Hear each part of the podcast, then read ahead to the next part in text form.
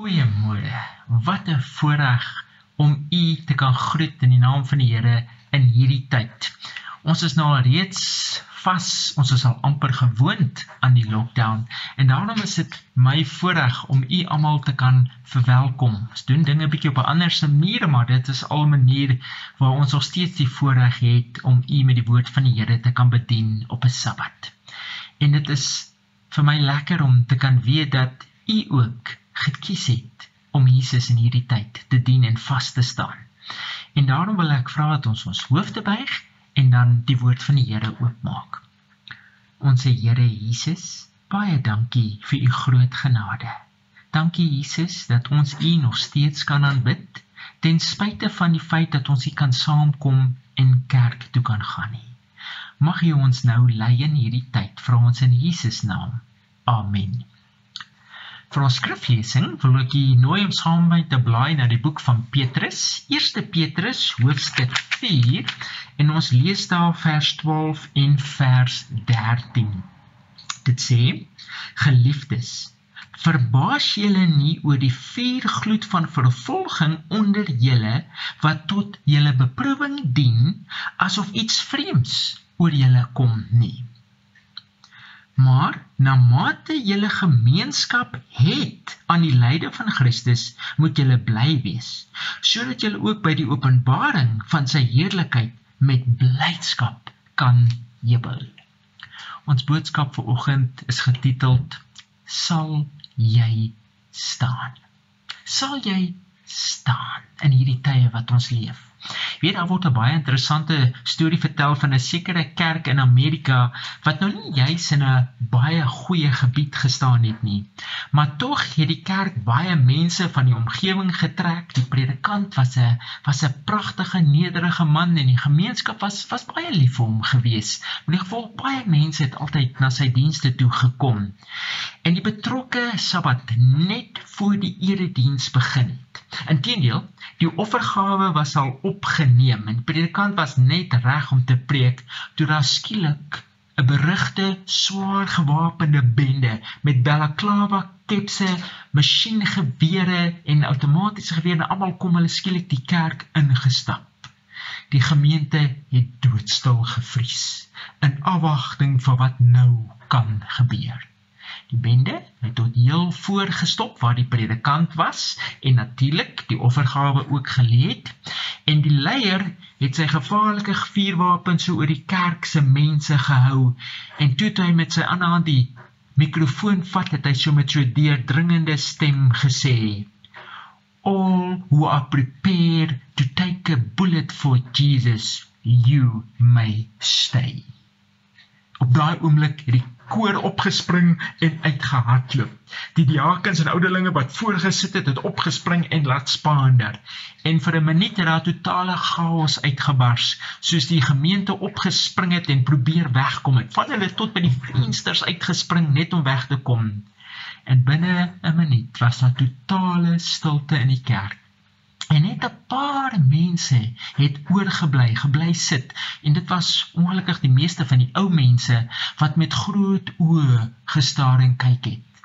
En toe het hierdie leier van hierdie gevreesde bende sy balaklava kleps afgetrek, geglimlag en na die predikant gedraai en gesê: "Dominee, jy kan maar voortgaan om vir al die opregte mense te preek. Ons het dit goed gedink om 'n bietjie van al die skynheiliges in jou kerk van ontslaa te raak. Wow, en ewe gemaklik het hulle weer hoogtevrede met hulle self uit die kerk gestap. Nou ek moet bieg toe ek hierdie storie lees, was ek amper spyt. Dit is lockdown want ek het gedink miskien kan ek ook met 'n paar mense reël met baklawe kleps en gewere die kerk binne te stap net voor ek begin preek het en dan ook vir die hele gemeente te sê anybody prepared to take a bullet for Jesus you may stay net om te kyk wie sou werklik gebly het Maar skielik het ek besef, "Sjoe, dit sou seker my heel laaste preek in my hele lewe ooit gewees het." Want die kerkraad sou na so 'n skok my verseker sonder enige genade net daar gekruisig het. Sjoe nee. Maar dit het my ook die vraag laat vra. as so iets met my in die kerk of selfs dalk in die straat daar buite moes gebeur het. Sal ek werklik staan? Is ek bereid om werklik my lewe op te gee vir Jesus? Dit klink dalk nie so lekker nie, maar dink 'n bietjie daaraan. Sal jy werklik staan vir dit waarin jy glo, as iemand 'n loop teen jou kop moet druk en jou moet dwing om 'n keuse te maak vir of teen Jesus, sal jy werklik staan? En dit het my weer opnuut die vraag laat vra. Wat beteken dit om vir Jesus te staan? Wat beteken dit om vir Jesus te staan? Vir Jesus te staan. In ons skriflesing 1 Petrus 4 vers 12 en 13 sê die apostel Petrus vir ons: Geliefdes, verbaas julle nie oor die vuurgloed van vervolging onder julle wat tot julle beproewing dien, asof iets vreemds oor julle kom nie. Maar na mate julle gemeenskap het aan die lyde van Christus, moet julle bly wees sodat julle ook by die openbaring van sy heerlikheid met blydskap kan jubel. Dit is baie belangrik vir ons om te besef dat Petrus eerstens hier praat met Christene wat werklik deur fisiese beproewings en lydings gegaan het. Vervolging was vir die eerste kerk nie 'n opsie nie. Om vir Jesus te kies het verseker beteken dat jy direkte teenstand sou ervaar soos Christus of soos Christene vir reg en geregtigheid gestaan het en baie teenstand en beledigings en twis en stryd in hulle lewens ervaar het soos Jesus self in sy eie lewe ervaar het so sê Petrus is dit ook die pad waarop Jesus vir jou en vir my roep of altans dis wat met 'n Christen sal gebeur as jy werklik staan vir Jesus en sy woord en veral in hierdie tyd. Nou baie van ons moet erken dat ons so gewoond geraak het aan 'n gemaklike Christelike lewe waar ons nie werklik enige eise aan ons geloof gestel word nie. Daar word nie enige eise juis aan ons gestel nie. Meeste van ons weet nie eens wat dit beteken om vir Christus te staan nie. Wat nog te sê vir hom te ly. Maar 1 Petrus 2 vers 21 sê vir ons, want hiertoe is julle geroep, omdat Christus ook vir julle gelei het en julle 'n voorbeeld nagelaat het sodat julle sy voetstappe kan volg. So vir Christene is daar een groot sekerheid. Net soos Jesus vervolg en gelei het, net soos die kerk deur al die eeue vervolg en gelei het, net so sal sy kerk in die tyd van die einde aan vervolging blootgestel word. Ons moet vervolging deurgaan en ons glo ons lewe nou in die tyd van die einde. Vir ons elkeen sal daar met ander woorde 'n dag kom dat ons elkeen 'n besliste keuse sal moet maak vir dit wat ons glo en waarvoor ons staan. En die belangrike deel wat nie altyd nou en dalk vir ons sin maak nie, is dat dit tot ons eie voordeel is. Want jy sien, die geskiedenis bewys vir ons dat vervolging en teenstand juis die kerk suiwer en ons nader aan Jesus bring. As ons na die eerste eeuse kerk kyk, was dit verseker die skoonste en die suiwerste kerk wat daar sekerlik nog ooit was. Want jy sien, want om vir Jesus as jou verlosser in die eerste eeuse kerk te kon kies en te aanvaar, het jou dadelik, dadelik in konflik, direkte konflik met die Romeinse regering gebring. Ek bedoel net die naam Christen was genoeg rede dat jy gearresteer, gemartel en in die meeste gevalle gedood sou word. Nou Die geskiedenis leer vir ons dat die eerste eeu na Christus is is baie Christene gearresteer en al wat hulle moes doen om nie in die tronk gegooi en gemartel te word en dalk selfs gedood te word nie, was om bloot net in die openbaar wierook te brand vir een of ander afgod of selfs die keiser in aanbidding. En die oomblik wanneer jy daai wierook gebrand het vir die mense, dan het jy selfs 'n brief gekry wat jou kwyt geskel het en jou vrygemaak het om selfs enige ander godsdiens van jou keuse te kon beoefen. Jy moes net hierdie wierook brand. Nou, dit klink dalk vir baie van ons na 'n klein ou opofferingkie. Nie 'n groot probleem nie. Brand maar net jou wierookie en, en dan kan ons weer kerk toe gaan en die Here voluit aanbid. Maar, u sien, die groot probleem vir die Christen in eerste kerk was dat dit in werklikheid en direk beteken het dat jy Jesus wat sy lewe op die kruis vir jou en my gegee het dat jy daai lewe direk en openlik verloon. Alles het net eers so klein daad. Jy verloon Jesus. En dit was nie vir hulle 'n kwessie net van wat jy doen nie, maar nog erger of nog groter. Die groter getuienis is ook nie net wat jy en ek doen nie, maar wat ander mense jou en my sien doen. En daarom het baie Christene eerder gekies om direk vir Jesus te ly en selfs te sterf as wat hulle Jesus sou verloon. En daarom was daar nie skynheiliges in die vroeë kerk nie. Ek wil daar was nie skynheiliges nie. Hulle was opreg Hulle was eg in elke aspek van hulle geloof gewees. Want ek bedoel, hoekom wil jy voorgee om 'n Christen te wees of selfs te sê jy's 'n Christen as dit sekere vervolging en jou dood selfs kon beteken het? En die mooiste deel vir my was dat ten spyte van die ewige vervolging het so baie mense nog steeds hierdie keuse gemaak om Christene te word. Jesus deel van hulle lewens te maak en die Christelike pad te loop.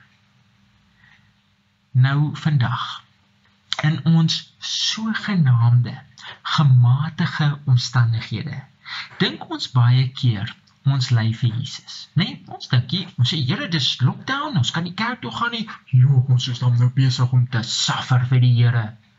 Of, sjoe, Ek ly elke week baie erg want want ek kan nie meer oor die naweke my bier dink soos ek gewoond was in my vorige lewe nie of uh, ek ek moes nou sigarette opgee of ek mag nie meer sekere dinge eet nie. Sjoe, as ly dan kwai.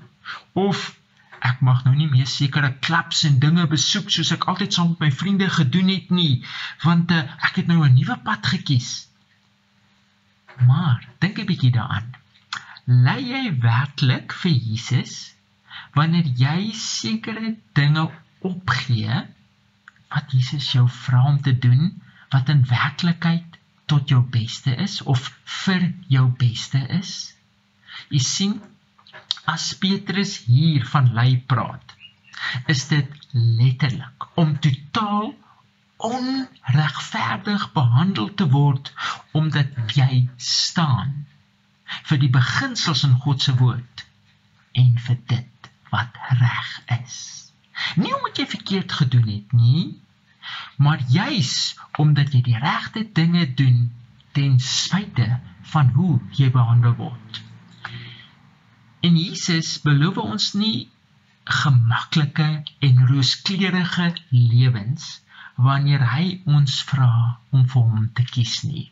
Inteendeel, Johannes 16 vers 33 sê Jesus vir ons: In die wêreld sal julle verdrukking hê. Maar hou goeie moed. Ek het die wêreld oorwin. Daar is 'n groot prys om te betaal wanneer ons werklik Jesus kies in ons lewens. Maar die beloning is verseker die moeite werd en ek wil niks kan opweeg met die alles oortreffende gewig van heerlikheid wat God vir ons berei het nie. Ek wil niks kan opweeg met daai oorwinning wat Jesus vir ons berei het nie. Sê 2 Korintiërs 4:17 vir ons. Wanneer ek met die verhale van die hervormers gekonfronteer word. Weet ek weet nie van nie, maar vul dit my altyd met verwondering en ontzag. Die gees van profesie en Fox Books of Martyrs vertel ons die angswekkende verhale van mense wat werklik bereid was om op brandstapels doodgebrand te word vir hulle geloof. Nou die Romeinse kerk wou ten alle koste die hervorming stop in die donker eeue en daarom het hulle almal wat teen die afvalligheid van die kerk gerebelleer het verdoem tot brandstapels. En 'n interessante deel vir my is dat baie keer voor die protestante op die brandstapels aan die brand gesteek is, was daar gewoonlik 'n priester wat met sy kruis daar voor hulle gestaan het terwyl die laksman daar gestaan het met die fakkel in sy hand en al wat hy gedoen het, hy het na die persoon wat daar op die brandstapel is gekyk en vir hom gesê, "Do you recant?" Do you recant?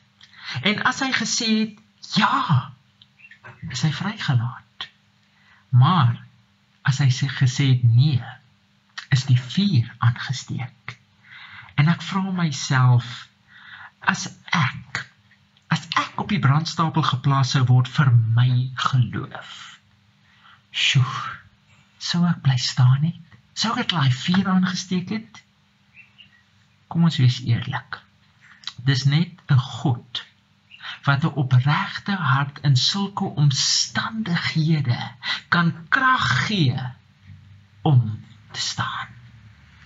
En die wonderlike deel vir my is hoe meer hulle die protestante op die brandstapels verbrand het, hoe meer het die hervorming gegroei. En hoe meer en meer mense het Jesus en sy woord deel gemaak van hulle lewens.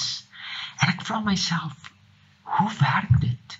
Hoe werk dit? Hoe gebeur dit dat dit wat die duiwel doen om God se kerk te vernietig, juis saamwerk, juis veroorsaak dat God se kerk groei en suiwer word?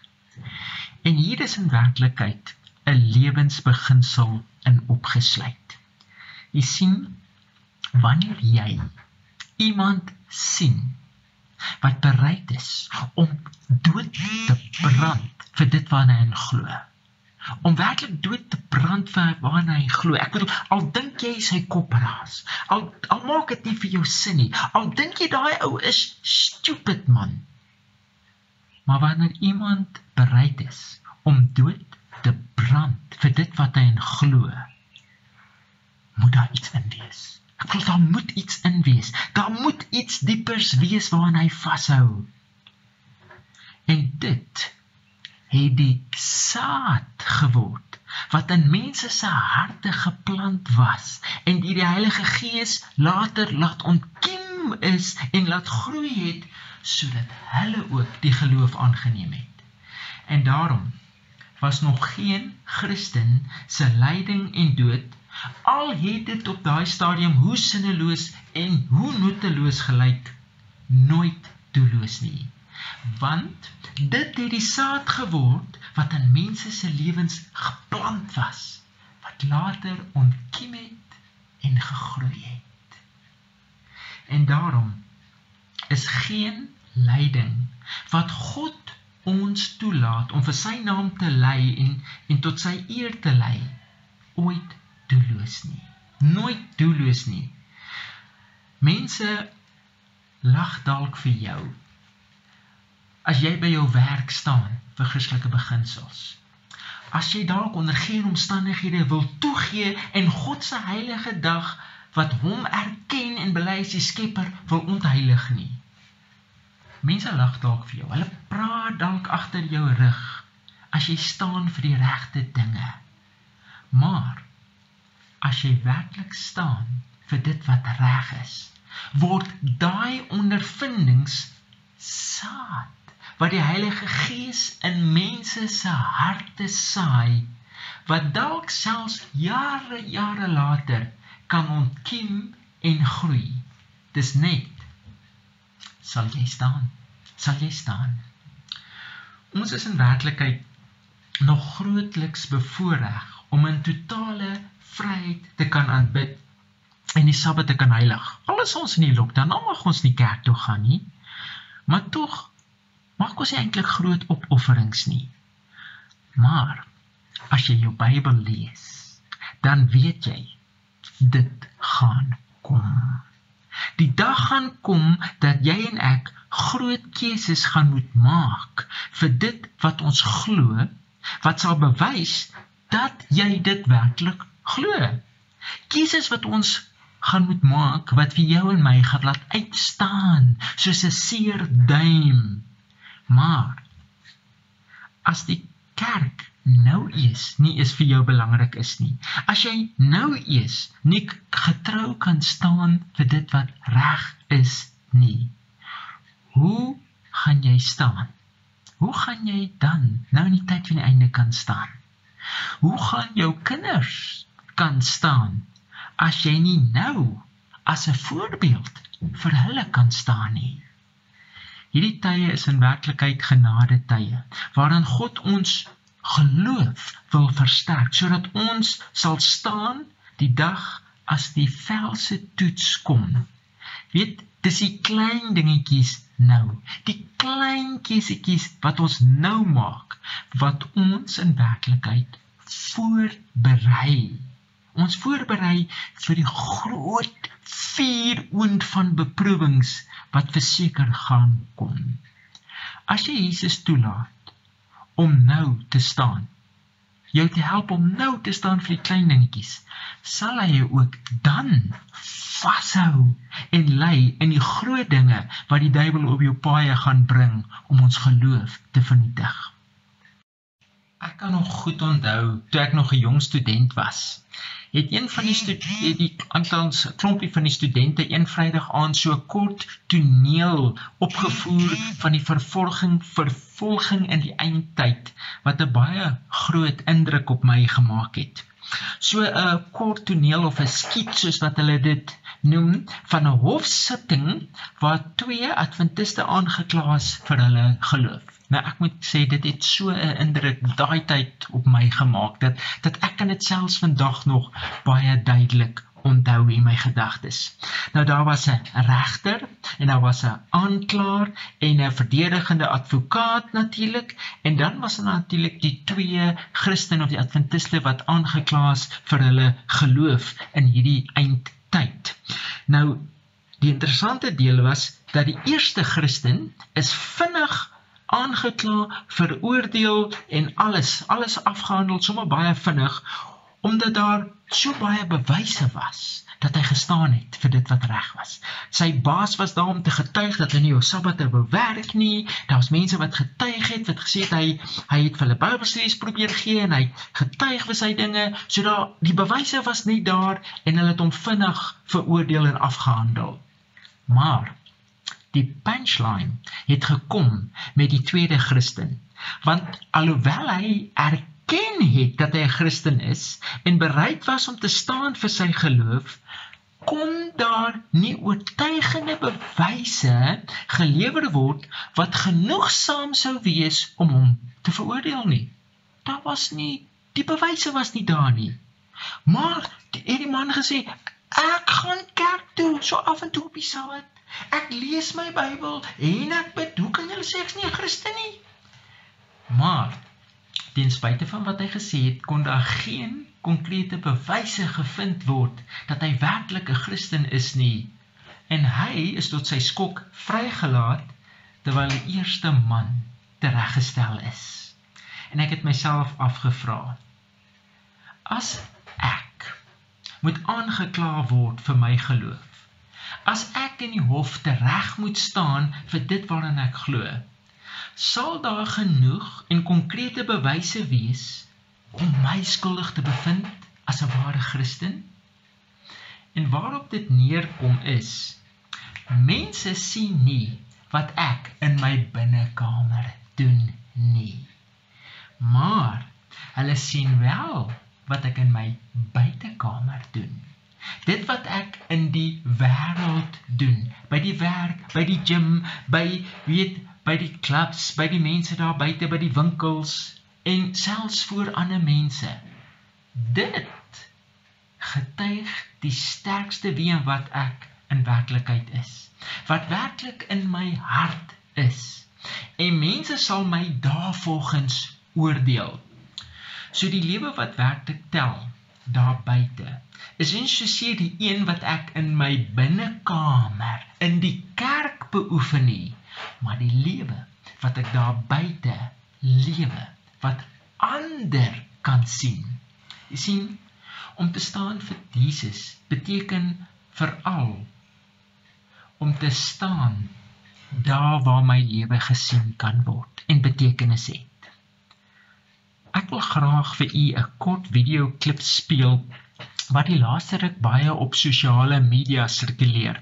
Nou die meeste van u het dit verseker al gesien, maar tog is dit 'n kragtige teregwysing vir ons wat gemaklik in die kerk sit teenoor ander wat vervolg word vir hulle geloof in die wêreld daar buite. Dis net 4 minute en 10 sekondes. Kom ons kyk of dit werk. Let me finish with this uh, story. Uh, we go to China from time to time and and uh uh, we train leaders. And this time we brought up 22 leaders from the Hunan province, and they rode 13 hours on a train to get to a hotel that they came up two by two in these elevators as, so as to not draw any attention. And then they got to a hotel room, a little apartment uh, room. It's only about 700 square feet in the little living room, no air conditioning, hardwood floor, 22 sat there. I came in, and when you teach in China, you start at 8 in the morning and you don't get done till 5 at night. You teach the whole day. They were sitting there, all 22 of them, and I looked around and I said, Now, if we get caught, what will happen to me? They said, Oh, you'll get deported in 24 hours and we'll go to prison for three years. I said, You're kidding. How many of you have been in prison for your faith? Out of 22, 18 raised their hands. I thought, No way. I looked at him and I said, you, you 22 people, how many people do you oversee? Because they were all of these small group leaders, underground church leaders in the Hunan province. I said, How many, if you counted up all the people under your jurisdiction, how many would it be? And they counted them up and they said, Little over 20 million. I said, What? See, we forget there's 1.3 billion people in China. This is crazy. Well, I had 15 Bibles and I passed them out. Obviously, seven didn't get them. And I said, let's turn to 2 Peter chapter 1 and we're going to read it. And just then, one lady handed hers to somebody next to her. And I thought, hmm, interesting. Well, we turned there anyway, and as we started reading it, I understood why she gave it away. She had memorized the whole thing, she just recited the whole chapter. When it was done, I went over to her at a break and I said, you, you, you recited the whole chapter. She says, Oh, yes, I've memorized many chapters. I said, Where did you memorize so many chapters? She said, In prison. I said, You have much time in prison. so I said, But don't they confiscate the Bible? She said, Yes. So people bring in scriptures written on pieces of paper and they bring it in.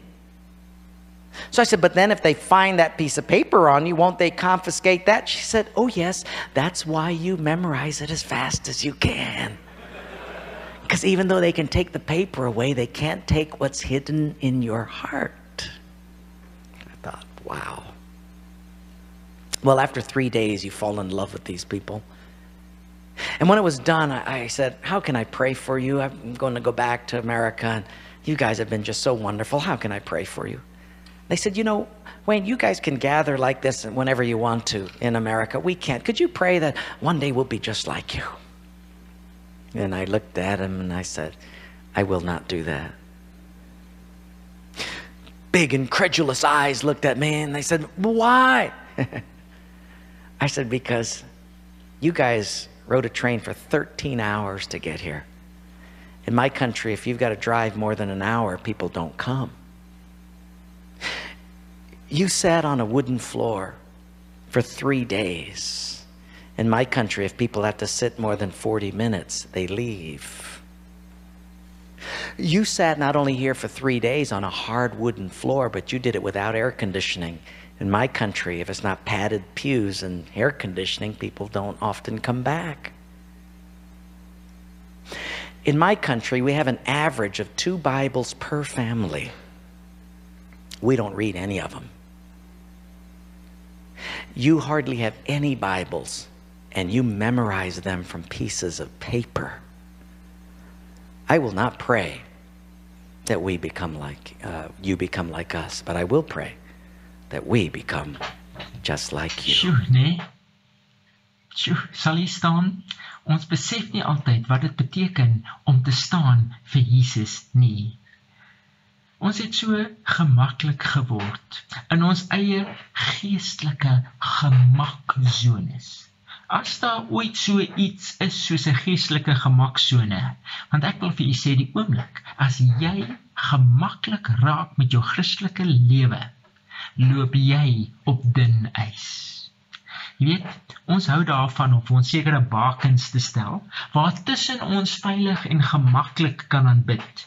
En maak nie saak wat gebeur nie, Here, moet asseblief net toelaat dat ek uit my gemaksone geruk word nie. Maar ek dink 'n bietjie. As Jesus moet kies tussen jou geestelike gemak en jou ewige verlossing, Wat dink jy gaan hy kies? Jou gemak of jou verlossing? Daarom sê Jesus vir ons: "Maar nou mate julle gemeenskap het aan die lyde van Christus, moet julle bly wees, sodat julle ook by die openbaring van sy heerlikheid met blydskap kan jubel." In Petrus 4 vers 13. Mag Jesus ons help dat ons nooit geestelik gemaklik sal raak in hierdie lewe nie. Ook nie geestelik gemaklik in hierdie lockdown nie. Maar mag ons elke dag opkyk na die kruis en werklik besef wat het Jesus vir ons verlossing gedoen en dit so in ons lewens invloei en beïnvloed dat ons elke dag vir Jesus sal staan. Sal staan in die klein dingetjies sodat ons ook sal staan die dag as die groot dinge kom. En die vraag is sal jy staan? Sal jy staan? O mag Jesus ons help. Amen. Kom ons buig die hoofde. Ons sê Jesus. Ons glo ons lewe in die tyd van die einde. En Here en ons weet dinge is om ons besig om te gebeur. Maar Jesus as ons na ons eie lewens kyk, as ek na my eie lewe kyk, staan ek werklik vir U soos ek moet? Kan daar na my lewe gekyk word en Jesus gesien word? Is daar genoeg bewyse in my lewe wat kan bewys dat ek staan vir dit wat reg is? Staan op U beginsels. Lewe U lewe daar buite. O Jesus, mag U ons vashou en help om werklik te staan vir U. Ons bid dit in Jesus naam. Amen. Mag die Here u seën en styf vashou. Sterkte.